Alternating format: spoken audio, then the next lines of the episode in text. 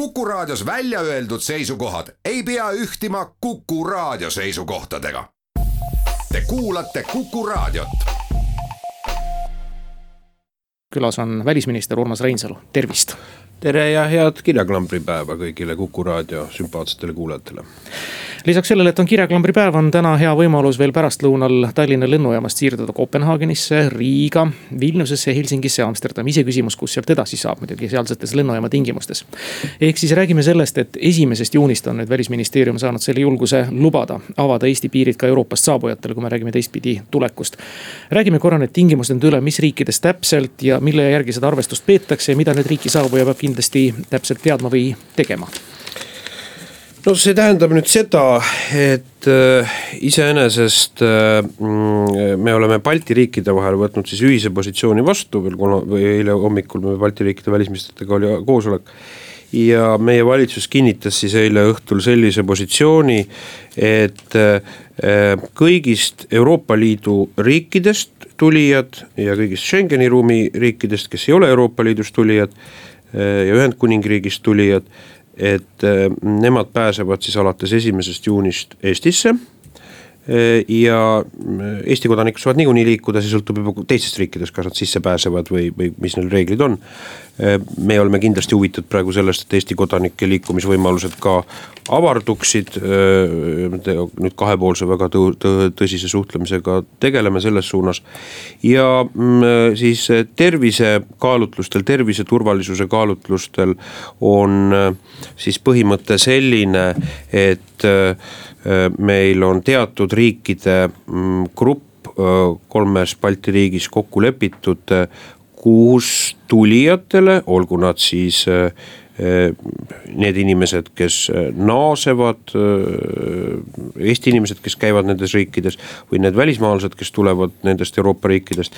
et need, nende inimeste puhul jääb kehtima karantiininõue ja see riikide gruppi me hakkame kord nädalas tuvastama ja tuvastama siis sellisel moodusel, et see ühine kokkulepitud mõõdik on, et viimase kahe nädala jooksul saja tuhande nende riikide elanike kohta nakatunud inimeste arv, et kui see inimeste arv on üle viieteistkümne, siis nende inimeste puhul on, tuleb olla karantiinis kas need saabujad peavad siis ka tõestama üht-teist, seda, et nad ei ole palavikus, nad ei ole põdenud või kui on põdenud, siis ammu aega tagasi, et neil on keha piisavalt antikehi täis ja nii edasi?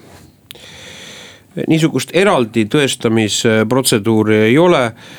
me kindlasti turvalisusmeetmena valitsus eile nägi ka ette selle, et niisugune te vabatahtlik testimisvõimalus nii lennujaamas kui sadamas hakkab järgmisel nädalal olema aga eh, see, mis puudutab nüüd, kui me räägime lennukisse pääsemisest, siis lennufirmad ise sätestavad oma reeglid, et haigustunnustega inimene.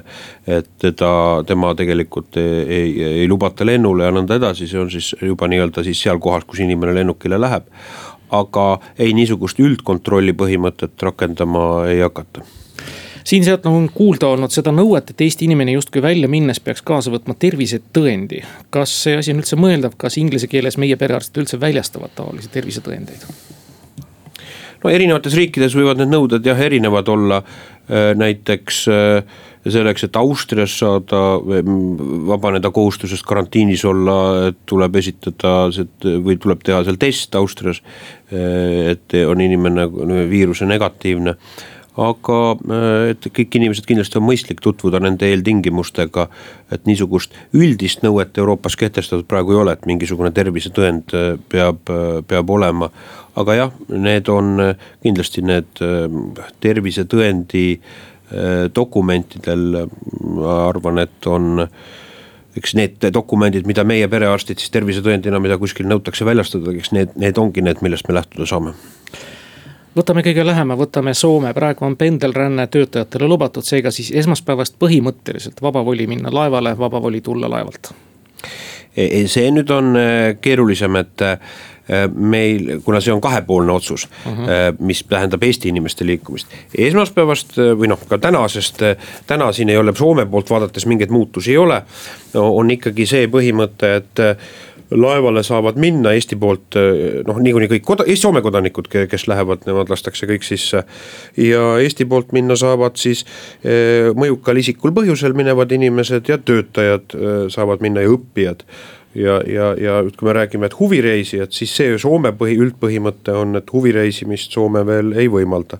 et ma kindlasti Soome välisministrile ole, olen teinud üleskutse, et ka, ka Soome kaaluks seda, et oleks ka nii-öelda sarnaselt nagu Eesti võimaldab alates esmaspäevast seda, et Soome inimesed sõltumata nende otstarb-, noh, ees, reisi eesmärgist saavad Eestisse tulla ilma karantiinikohustuseta, et nad seda kaaluks ka vastastikku sümmeetriliselt selle tegemist aga mis on oluline, et, et riik, me oleme valitsuses need põhimõtted kinnitanud või noh, need nii-öelda piirangute mahavõtmised. aga see kindlasti ei tähenda seda, et see üldine soovitus rahvusvahelisest reisimisest hoiduda, see jääb ikka kehtima. aga see on loomulikult, inimene langetab ise selle otsuse.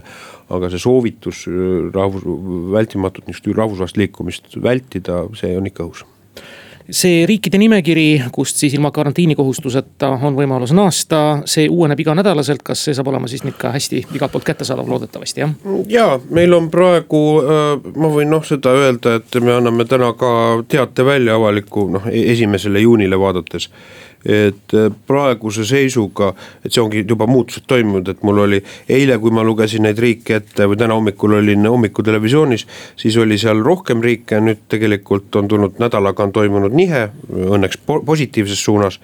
ja kui me räägime karantiini äh, karantiini e e nõudest praegu, siis neid riike on on praeguse seisuga siis need on järgnevad, mis on see lähtekohaks, mille me siis ka avalikustame ja, ja, ja mis esimesest juunist on kehtiv ja järgmine reede tuleb jälle uus nimekiri välja. ja praegu on need siis Rootsi, Portugal, Belgia, Iirimaa, Malta ja Hispaania kui me räägime kolmandatest riikidest, ehk siis väga tihe lävimine Venemaale, Venemaalt tuli täna järjekordne rekorduudis haigestunute kohta paraku. Et äh, kas me teame ja julgeme üldse prognoosida, kauaks need piirid nüüd ikka täiesti lukku jäävad? ja lisaks veel oli Ühendkuningriik, ma mainin juurde, et kauaks need piirid äh, lukku jäävad äh, nüüd, mis puudutab kolmandate riikidega, ütleme ülejäänud maakeraga ühendumist, siis siin on Euroopa Liidus nüüd lähemad päevad ja nädalad on arutelu, kuidas seda korraldada kuna Euroopa Liit on ühe, ühe põhimõttelise otsuse vastu võtnud, et viieteistkümnenda juunini inimeste sisenemine kolmandatest maailma riikidest, et see on praegu tõkestatud. noh, on mingid erandid, aga põhimõte on tõkestatud. ja iseenesest riigid on siin ka iseseisvad neid otsuseid langetada. me oleme ka Balti riikide vahel kokku leppinud, et me kindlasti arutame ka oma positsiooni.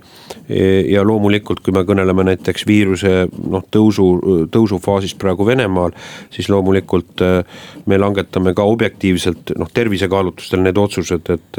et mitte väljuda, vältida niisugust täiendavat ohtu viiruse levikule Eestis ja, ja me otsustame siis selle nii-öelda aja kulgedes, vaadates tegelikult, milline see olukord on, et kas me praegu prognoosime, et Venemaaga see piir avaneb.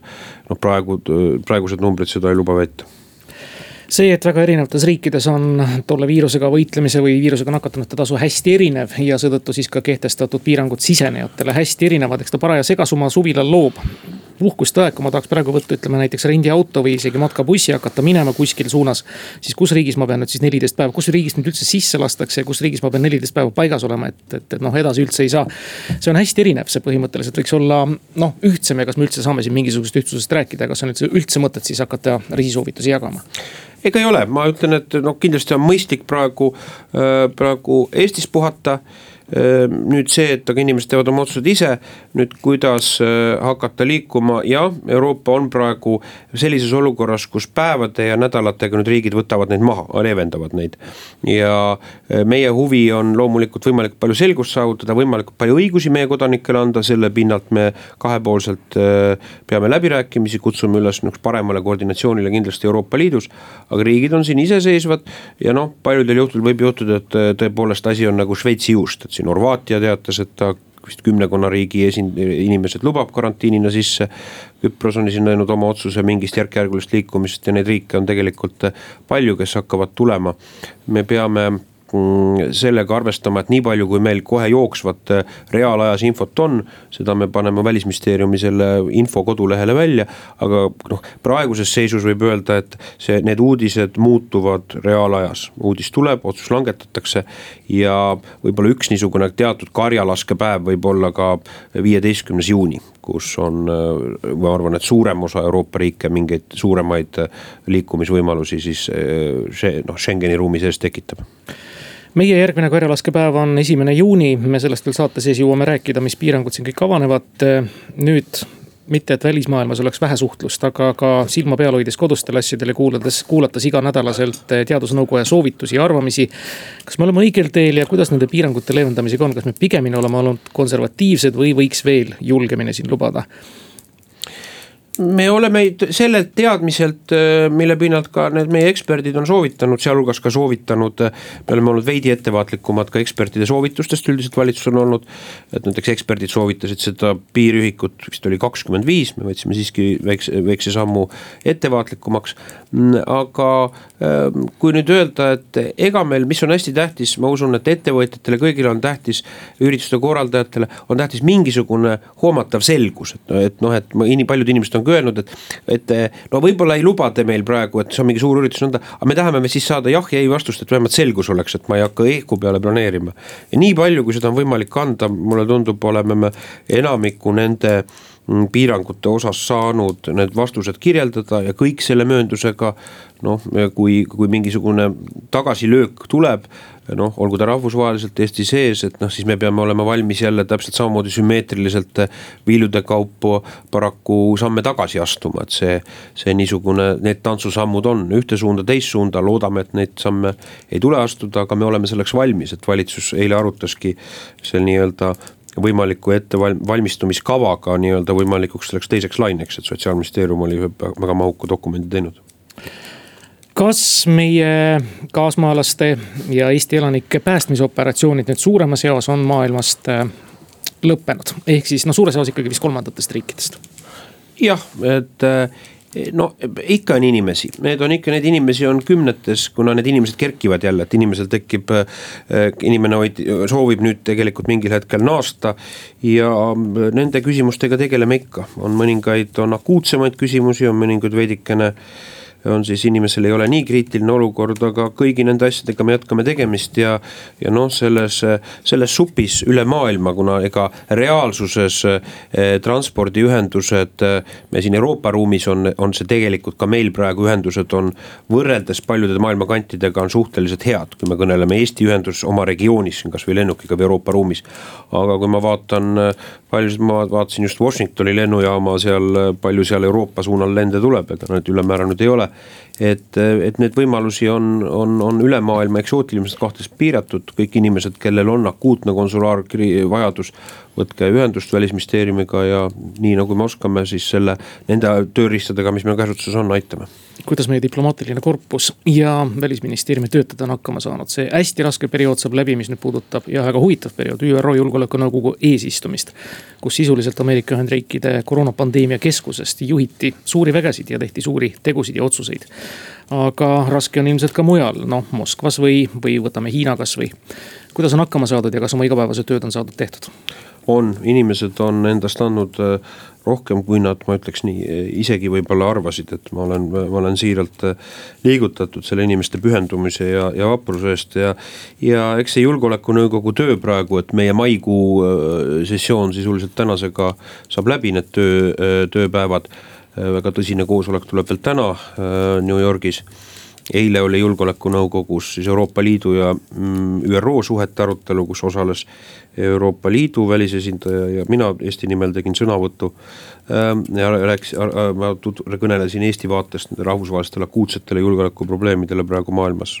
aga ähm, võib öelda seda, et äh, seda on küll maailmas ka tähele pandud, et Eesti niisugust head positiivset eesistuja rolli ja seda, et me oleme suutnud nii kriitilises olukorras, logistilises ennekõike, oleme suutnud ikkagi seda rahvusvahelist foorumit ulatuslikult koondada just nimelt digitaalsete lahenduste kaudu. Ja mitmed minu kolleegid ongi öelnud, et üks asi on nende teemade sisu, ka väga oluline, aga teine asi on see, et noh, meie IT-lahendused ja see mm, noh, see ulatus, et meil ÜRO Julgeolekunõukogu ajaloos kõige suurema osalusega liikmesriikide koosolekud on olnud. seda on, on tähele pandud, et Eesti on olnud see riik, kes on selle pandeemia nii-öelda lockdown'i või kriisi ajal on suutnud kõigi maailma kontinentide esindajad, ÜRO esindajad jälle tuua omavahel arutama hästi kiiruga küsin ja võib-olla siis ka vastust, hästi akuutne probleem, mis on nüüd tõstatunud, see on Hongkongis rakendunud siis nii-öelda Mandri-Hiina seadus, mis puudutab siis sealset äh, korrakaitset ja karistusi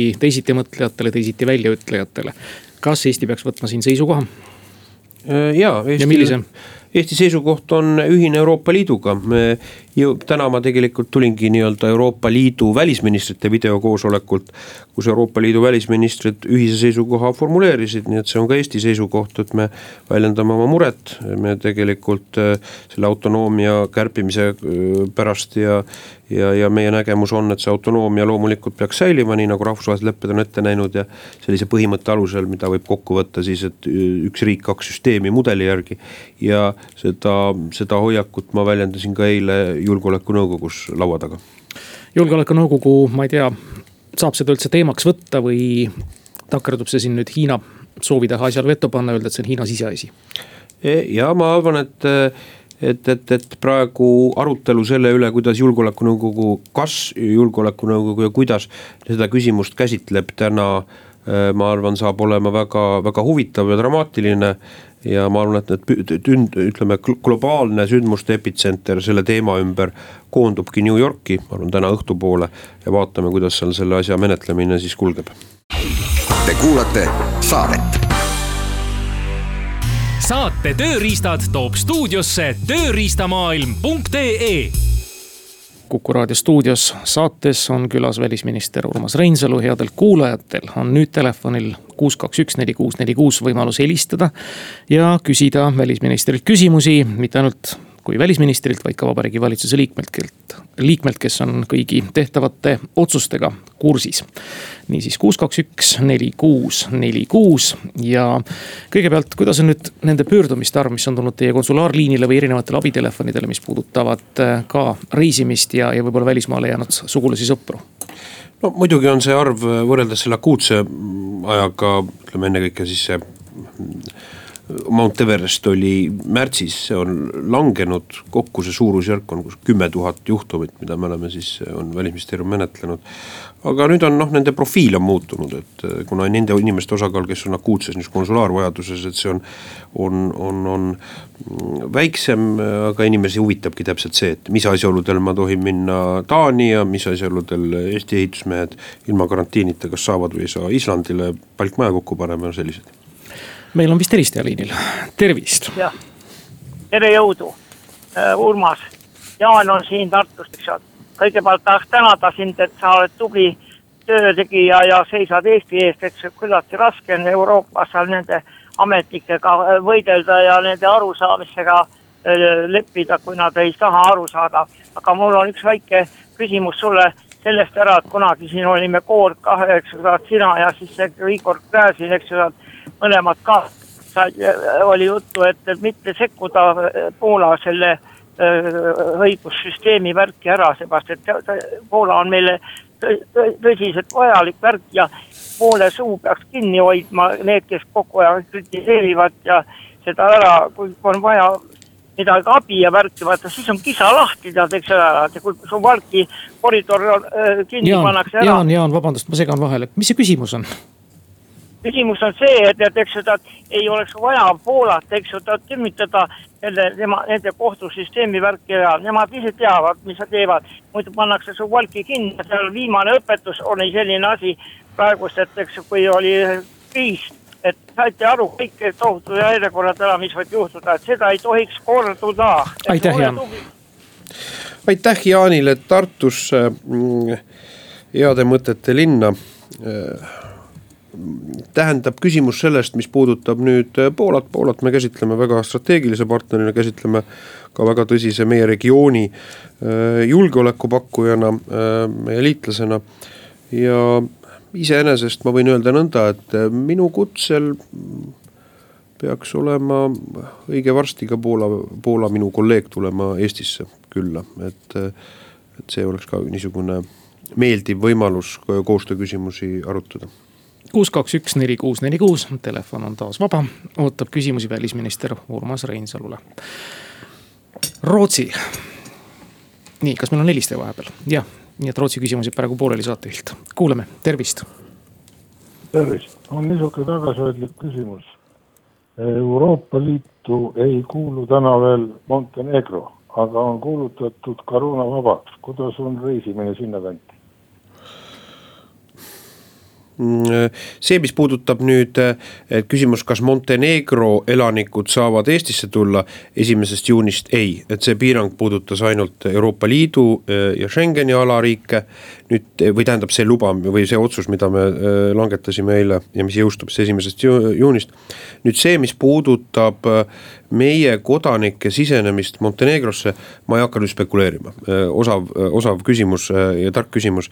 et vaadake, kas meil on lisainformatsiooni välisministeeriumi kodulehelt ja kui, kui teil on praktilist vajadust, siis helistage julgelt ka meie konsulaarabi telefonile ja see, see informatsioon, mis meie käsutuses on, me anname no ilmselt on see küsimus ajendatud sellest, et väga paljud reisipakkujad on just Montenegrosse selleks suveks ka oma reise nii-öelda ajatanud ja ilmselt väga paljudel on küsimus, kuna see on odavad reisid suhteliselt ja saavad ka pensionärid võib-olla mõned endale lubada seda, siis hoiavad hinge kinni ja küsivad, kas saavad, aga nüüd Rootsi kohta küsimus, kus on see nakkusnäitaja valitud teise strateegia tõttu ikka jätkuvalt hästi kõrge ja kaua me peame olema siis Rootsiga nii-öelda no väga ettevaatlikult või siis üleüldse vältima igasugust liikumist sinna või tagasi noh, meie loogika on, kui me kolme Balti riigiga kokku leppisime ikkagi see, et et, et, et see karantiini põhimõtte mahavõtmine tuleb siis kõne alla, kui on suhteliselt sarnane ähm, seis viiruse leviku osas ja seda noh, me oleme võtnud äh, objektiivsed kriteeriumid aluseks, et mitte hinnangud äh, subjektiivselt, aga teaduslikult raja, argumendil rajanevad hinnangud. praegu on see number, mida ma viitasin siin, et meil on ühik viisteist see number eelmise nädala lõpu seisuga Rootsis äh, oli äh, tegelikult Euroopa kõrgeim, see oli siis kumulatiivne number oli seitsekümmend, eks ta veidi on kukkunud päevadega.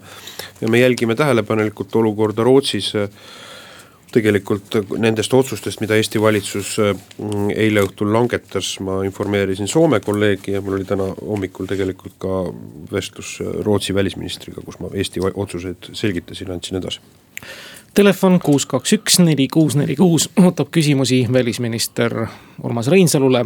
kõiki praktilisi küsimusi, kas need on siis reisimist puudutavad või nüüd laiemalt. ma nüüd mõtlen, kas ma avan Pandora laeka, kui ma, ei, ma ei ava seda veel, me kuulame helistajat, tervist tere päevast. ma esitaks sellise küsimuse härra Reinsalule. et Isamaa on väga tegus valitsuses, näiteks selle pensionisamba tagasilükkamiseks äh, läheb ju, kui nii võtta, noorte inimestel kuus protsenti, kaks läheb omast taskust ja neli riigi, aga kes sinna riiki viib, kui ikka needsamad noored. Ja teised ettepanekud on normaalsed, välispoliitika on normaalne ja küsimus on selles, et aga miks on äh, reiting äh, nii madal? Võrreldes kakssada äh,, Eesti kakssada, kus mitte midagi ei tehta, aga peale Kallase pole kedagi näha, aga nendel on isegi rohkem, et kas on äh, nad seda vaaginud, et milles on põhjus, miks rahvas aru ei saa, et nende eest äh, tegelikult nagu võideldakse, aitäh! Oluline küsimus, mina olen ka Isamaa fänn, ma ütlen teile omavahel siin kahe vahel. ma arvan, et äh, tähti, eks ilu on ikka vaataja silmades, aga mm, need teod, mida me teeme, me usume nendesse põhimõtetesse, mida me kanname, nendesse väärtustesse, mida me kalliks peame ja ja, ja äh, ma usun, et teie niisugune elukogenud, eluküps vaade ma usun, sellel on palju, palju rohkem toetajaid, kui need mingid, mingid reitingud siin peegeldavad. Telefon on helisenud taas, tervist. kiidula on nüüd peetud, et siis sellise küsimuse ka siia juurde, et, et noh, Isamaa on põhimõtteliselt äh, Res Publica ja Isamaa äh, liit, eks ole, üks oli populistlik partei, teine oli konservatiivne partei. et äh, osa sellest küsimusest, mis nüüd tuleb, on nagu see, et, et kas te olete pigem konservatiivne või pigem nagu populistlik isamaaline äh, oma olemuselt või sisemuselt või, või, või hinges. ja siis äh, see küsimus nüüd, et äh, äh kahes äh, valitsuses on praegu Isamaa olnud, minu jaoks on Isamaa konservatiivne partei olnud, äh, nii ma olen nagu aru saanud sellest äh, poliitikast. aga äh, see majanduspoliitika, see eelarvepoliitika, mida on siis kahes koalitsioonis praegu viimases, kus on Isamaa siis nii-öelda kaasa löönud, on siis suudetud elada põhimõtteliselt ikkagi miinusesse. ehk siis põhimõtteliselt me oleme kulutanud rohkem, kui me oleme suutnud inimestelt äh, maksudena kokku korjata. et äh, kuidas nagu Reinsalu sellele äh, asjale nagu vaatab või on siin äh, äh vaja tunnistada lihtsalt seda, et äh, nii palju, kui palju on toetusprotsente, nii palju on siis ka võimu? Aitäh, ei, ega võim ei ole eesmärk omaette kunagi või ei tohi selleks muutuda aga te tõite välja siin ilusti äh, Res Publica, Isamaa lätted, aga ma tuletaks meelde ühe teise äh, lätte, mida meie erakond, äh, millest on ammutanud jõudu. Ja see on Eesti Rahvusliku Sõltumatuse Partei. ja kui öelda selle erakonna keskset märts, dominantset märksõna Eesti poliitika ajaloos, siis ma arvan, et see on rahvuslus, nii et minu jaoks Isamaa on, on rahvuslik erakond nüüd see, mis puudutab äh, meie vastutust äh, nende valitsuste tegevuse eest, sealhulgas rahanduspoliitilise, eelarvepoliitilise tegevuse eest, millesse me oleme kuulunud ja kuulume, siis me kanname seda täiel mahul. ja rahanduspoliitiliselt oleme me olnud vastutustundlikud ka nendes valitsustes, me võime öelda, et see loogika, mis on äh, et äh, ettevaatlik konservatiivne rahanduspoliitiline vaade, see on tegelikult äh, äh, nii nagu seda Isamaa on mõtestanud, see on tegelikkuses toiminud ka selles valitsuses või eelmises või üle-eelmises, üle-eelmistes valitsustes, et kui me praegu näeme seda majanduskriisi, mis on siis noh, orkaanina üle rullunud kogu, kogu planeedi, sellel on kahtlemata mõjud, kus me täna peame ütlema, et me väga palju neid jooksvaid kulutusi, mida noh, valitsussektor teeb, need ei ole tõesti kuludega kaetud, sellepärast et meie majanduse prognoositav kukkumine sellel aastal on nii suur, noh on ta seitse, on ta kaheksa protsenti, need kõik on tegelikult mingit pidi oletuslikud teatud stsenaariumidel või hüpoteesidel põhinevad eeldused, mismoodi meie majandus sellel aastal toimub. ja me peame ka seda raha, mida me kulutame, need päästepaketid ja ja äh, erinevad ettevõtluse toetuse meetmed, noh, me peame seda vastutustundlikult kulutama, silmas pidades, et see raha ei tule kuskilt taevast, see raha on, äh, selle, selle raha omanikud on tegelikult meie võib-olla me ise kümne aasta pärast või meie laste põlvkond, kes peavad selle kinni maksma. kuku raadio stuudios on välisminister Urmas Reinsalu ja meil on telefonil helistaja ja küsija, tervist. tere. kuuleme teid ja eh, minu küsimus on niisugune, et kolmandatest riikidest, ühesõnaga minul üks töötaja on Hiinast ja ta läks puhkusele ja ta ühesõnaga ei saanud enam tagasi tulla siia ja äh, kuna äh, Finnair sulges kõik nagu need rahvusvahelised lennuliinid ja need on praegu siiamaani kõik suletud ja mind huvitab see, kas on äh, nendel inimestel, kui ükskord, millal see lennuliinid ükskord avatakse, kas need inimesed, kes näiteks, kui see tööline nüüd tuleb siia, tal on kõik need tööload ja kõik muud asjad on tal kõik olemas, et Eh, kas ta peab tulema karantiini näiteks, võib-olla juulikuuses saab ta siia tulla tagasi, võib-olla ei, ma ei tea, ühesõnaga ma olen eh, Töötukassasse igal pool helistanud, öeldi, et ühesõnaga tal on need tööviisad ja kõik ametlikult tehtud, et äh, tal ei oleks mingisuguseid takistusi, et mul on küsimus see, et mis te selle kohta ütlete, kas võivad nad tulla, kas nad peavad minema karantiini ja mis saab edasi?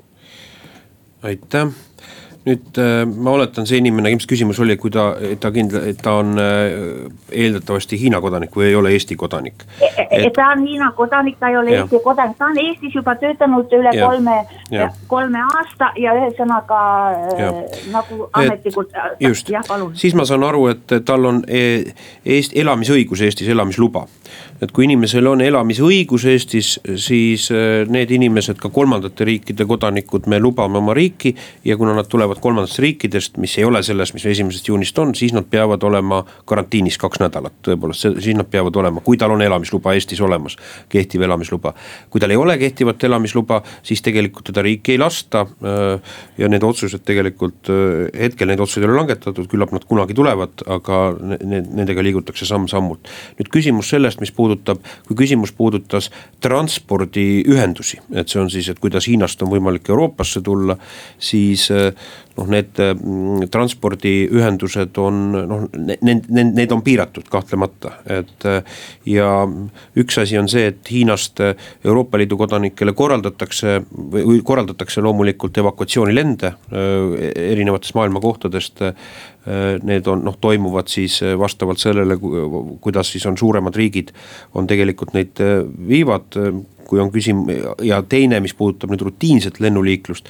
noh, siis selle koha pealt tegelikult saab vaadata need rahvusvahelise lennuliikluse andmeid nende konkreetsete lennujaamade ja, ja, ja riigi enda või Hiina territooriumil toimuvat, aga õige on see, et Finnair ma, arvan, et see oli märtsi esimeses pooles, Finnair sulges oma lennud, mis on, kui me räägime Helsingi, Hiina või ütleme, Aasia suunalised lennud. loomulikult no, ennekõike siis oma rahvatervise kaalutlustel.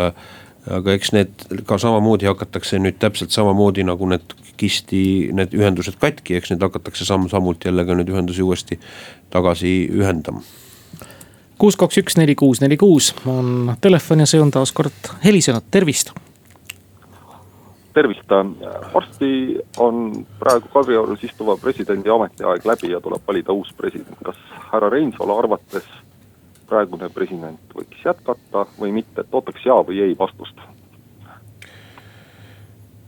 ma arvan, et äh, vabariigi president kindlasti oma ametiaja peaks ära olema, et, äh, et äh, see on siis järgmisel sügisel on tegelikult viieaastase ametiaja lõpp. aga see küsimus, et kuidas tema, mm, kuidas nüüd ütleme on tulevikus need presidendivalimised ja keda erakonnad oma kandidaatiks saadakse, see on ausalt öelda, ma arvan, et me näeme seda arutelu siin. see saab kindlasti olema väga vilgas ja erga, ergastav arutelu, aga ma arvan, et see pigem kõigi nende muude asjade ja jamadega, mis siin Eestis on, ma usun, see jääb meid pigem mm, e-, ergastama järgmisel aastal, et ma arvan, et siin. ma ei hakka siin näpuga näitama hetkel, et küll töö kiidab iga tegijat kuulame järgmist helistajat ja küsijat, tervist. tervist, võime me kindlad olla selles, et kas võime me kindlad olla, et piiride avamine ei kujune SARS-CoV-2 leviku uue laine põhjuseks Eestis. mini Schengen Eesti, Läti, Leedus oli parim variant, praegu on Eestis lootus juba, et kes hoiavad ennast Tallinnas vabatahtlikult isoleeritult muust Eestist et maapiirkondadesse mitte viirust levitada, et need inimesed saavad peagi ka reisida mujale Eestisse. me kuulsime, kuidas Sulev Veedler Tallinnas pidi Tartus Eestit või ema külastama, hoidma kaks meetrit ja hoovi peale. aga kuidas võiks kõne alla tulla selline maski kandmise kohustus, et kes suure viiruse ohuga piirkondadest tulevad Eestisse et neil oleks see kohustus, et Eesti inimeste turvalisust kindlustada, et äh, siis äh, võiks äh, varsti viiruse ohul Eestis olla lõpp. aitäh. aitäh no need otsused, mida me samm-sammult teeme, me kõigi puhul vaeme seda noh, ütleme üheksa korda mõõdame, üheksakümmend korda mõõdame, kui me selle ükskord selle sammu astume. ja me astume selle sammu, olles ka valmis, et kui oleme astunud, kui, kui tundub, et see samm tegelikult toob kaasa negatiivseid mõjusid. siis me astume selle, oleme valmis ka astuma selle sammu mingisugusel kujul uuesti äh, äh, pool sammu või terve sammu tagasi, et selleks tuleb valmis olla. et see, mis puudutab nüüd äh, seda, et kas kehtestada väljaspoolt tulijate puhul maski kandmise kohustust, siis mm, ega nende maskide üle laiemalt on ju, vist on kuuskümmend riiki on kehtestanud kas kohustuslikult, Eestis on, ütleme ta nii, et on soovituslik üleskutse avalikes kohtades seda maski kanda. eks tegelikult on ilmad on mänginud siin oma rolli, tegelikult ju osades kohtades inimesed kannavad, poodides me näeme, osad inimesed kannavad, osad ei kanna. et kindlasti tal oma oma ju viirust tõkestav mõju on, seda on ju mööndud. et kohustusest Eesti on loobunud, seda otsust, selles osas meil oli ka tegelikult debatt valitsuses oli, väga pikalt arutati, eksperte kuulati. aga mm, et see, mis puudutab nüüd seda viiruse leviku numbreid, ma ütlesin Euroopas, et. et me mm, üldiselt võib öelda, et lõviosas Euroopa riikides see viirus on õnneks kahanevas faasis Euroopat me vaatame siin nii-öelda ühe territooriumina, tei-, on teisi maailma piirkondi, kus see viirus on kasvufaasis, kui me räägime näiteks Ladina-Ameerika riike, me räägime enda idanaabrist, teistest piirkondadest. ja, ja selge on, et nende, nende piirkondadega, mis on kasvufaasis, kus on viirus ulatuslikuma levikuga, ei ole mõistlik seda suhtlemist sellisel kujul taastada, et selleks küll tuleb ka oma aeg, aga me peame tõepoolest takistama, et see viirus äh, rullub üle piiride, aga eesmärgina lõpuks kinni hoida lihtsalt, et võib-olla üksik inimene kannab seda viirust, on statistiline tõenäosus, et küllap ka nüüd, kui esimene juuni avanevad piirid, küllap mõni üksik inimene tuleb ikka, kellel on see viirus. Äh, seda me peame arvestama, aga siis on selle üksiku inimese puhul oluline tuvastada tema kontaktid. oluline, et inimene ise, kes, kellel on haigustunnused, äh, rahvusvaheliselt ei reisi ringi ja, ja riskantsemates piirkondades jääb kehtima karantiinikohustus ja tänase Vox Populi saate viimane helistaja ja küsija on liinil, tervist. tere, minul oleks selline küsimus, et ma ei ole midagi Türgist kuulnud, mul on juba ammu planeeritud Türki minna augusti lõpus pakettreisiga. nii, kas välisminister teab? Äh, see, mis tähendab nüüd seda, et äh, Türgi puhul äh, või kolmandate maailma riikide puhul kehtib ikkagi seesama karantiini põhimõte ja taga, naasmisel öö, reisiga ning see, mis siis on mm, inimestel seotud sellega, et kuidas Türgi öö, kohaldab neid reegleid praegu öö, siis oma sisenemise puhul, siis öö, ma ei taha anda valeinformatsiooni raadios, tutvuge kindlasti meie kodulehega, aga minu mälu järgi, et seal on ka teatud karantiini põhimõtted kehtivad kas just augusti teise pooleni, seda ei oska see, seda, seda tulevikku tõepoolest, see on nüüd inim-, on see riisik on nii ettevõtetel kui inimestel. et, et siis tuleb tähelepanelikult neid asju jälgida ja, ja kindlasti väga tõsiselt kaaluda, aga praegu rahvusvaheliste reiside soet- või piletite soetamisel, et see risk, et muutusi toimub, noh, see risk on, on loomulikult olemas Tallinna lennujaam siin mõni päev tagasi arvas, et äh, see rahvusvaheline lennuliiklus ja reisimine tervikuna võiks taastuda aastaks kaks tuhat kakskümmend kolm. kas olete sama meelt või äkki see tavapärane nii-öelda sumin, kus hallides pintsakutes inimesed sõidavad Brüsselisse tööle. ja laiemalt inimesed saavad rõõmsamalt reisida, taastub ta varem, äkki no eks küsimuse sellele annab ju vastuse tarbija, selle küsimuse annab ju vastuse inimene, et kas me praegu ja muide inimestel, inimesed on, inimestel on erinevad hoiakud. kas me praegu hea meelega läheksime rahva summa kas me hea meelega näeme tihedalt in, koondunud inimesi, kas me hea meelega noh, kaugetesse paikadesse ise täna oleksime valmis reisima või meil on oma kõhklused. ma arvan, vastused on eitavad, et see on täpselt nagu üldiselt majandusega, see, see ka reisimine, ulatuslik reisimine on ikkagi äh,. suur osa reisimisest on ikkagi ju, ei ole mitte tööreisimine, on lõbureisimine ja, ja, ja, ja meelelahutuslik reisimine. kui inimesed on umbusklikud, kui neil ei ole usaldust kaugetesse kantidesse minna, siis nad ei lähe ka ja see ei taastu, et selle, ta ei olegi nagu seotud sellega, et kuskilt juhtub nii-öelda läbi ime et firmades ei ole probleemi, kui on ta, turgu ja kui on võimalusi, küll firmad veavad inimesi ja teenivad, teenivad raha ega samamoodi, kui me kõneleme tulevikus ka rahvusvahelisest turismist Eestisse. et, et, et kindlasti me peame, meie huvides on, meie majanduse huvides on, on see, et Eesti oleks usaldusväärne, et inimesed teaks, kui nad siia tulevad, on vähem tõenäosust nakatuda kui kuskil mujal. suur aitäh, Urmas Reinsalu selle aja eest